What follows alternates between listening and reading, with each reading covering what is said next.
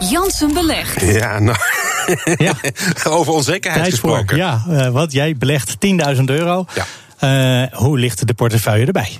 Nou, eh, dat kan ik je zeggen. Eh, De afgelopen weken, ik kon twee weken terug niet bij mijn portefeuille. En ik ben ook een weekje weg geweest. En ja, de mensen die het nieuws volgen, die hebben gezien dat de afgelopen weken er flinke correctie is opgetreden. Vooral in de technologie sector. Waar Maar jij zowel in nou Amerika. juist zo enthousiast over was. Ja, inderdaad. En nog steeds, op, zeker op, op langere termijn.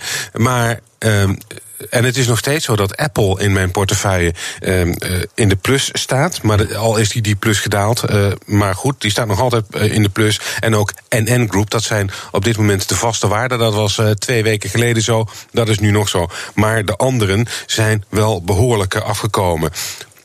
Neem bijvoorbeeld AB InBev, de grootste brouwer ter wereld. Nou, daar heb ik heel veel uh, uh, vertrouwen in. Maar wat zegt die brouwer? Die hebben grote overnames gedaan. Daarom zijn ze Sap Miller. Daardoor zijn ze nog groter geworden. Ik geloof dat één op de drie biertjes komt van hen. Ze hebben gezegd, en daarvoor hebben ze dus veel geld moeten lenen. En ze hebben gezegd, we gaan het dividend halveren. Zodat we meer schulden kunnen aflossen. Ja, dat is iets wat de koers natuurlijk meteen onder druk zet.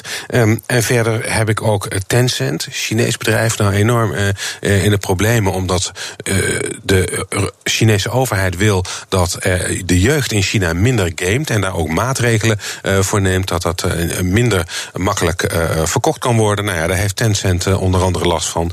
Um, dus ja, ik zit even. Dus je in, zit even onder de 10.000 nu? Ja, ik zit inderdaad. nou ja, ik sta toch wel zo'n zo'n zo'n 4% in de min. Dus okay. dat is best wel pittig. Overigens zullen alle beleggers, actieve beleggers, merken, hè, zullen gemerkt hebben dat uh, ja, hun portefeuilles natuurlijk ja. inleveren de afgelopen weken.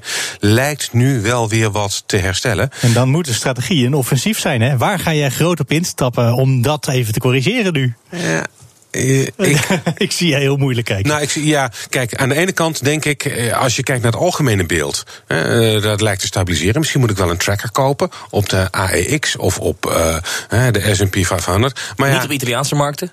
Nee, niet, zeker niet op Italiaanse markten. Je zou kunnen zeggen, ja, die tech die staat onder druk.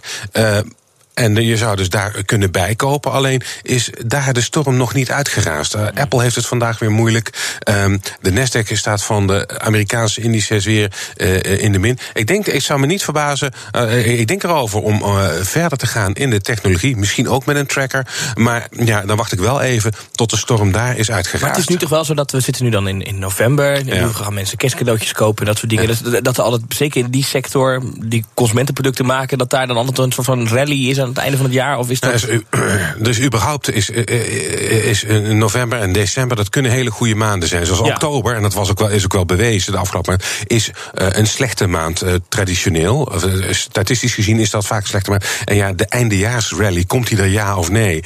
Um, vaak wel. het eindejaarseffect schijnt wel te bestaan als je het goed meet. Maar ja, dan moet je ook precies meten, ja, wanneer spreek je van een eindejaarsrally? En ah, dat, dat, dat, scheelt nogal hoor, of je een paar weken daarvoor of een paar weken daarna. Of het een goede kerst wordt, dat, is, dat, dat scheelt. Ja. Precies, of het een goede kerst wordt. Maar um, ja, ik, ik zet in op, uh, op, uh, op technologie. Dankjewel, Rob.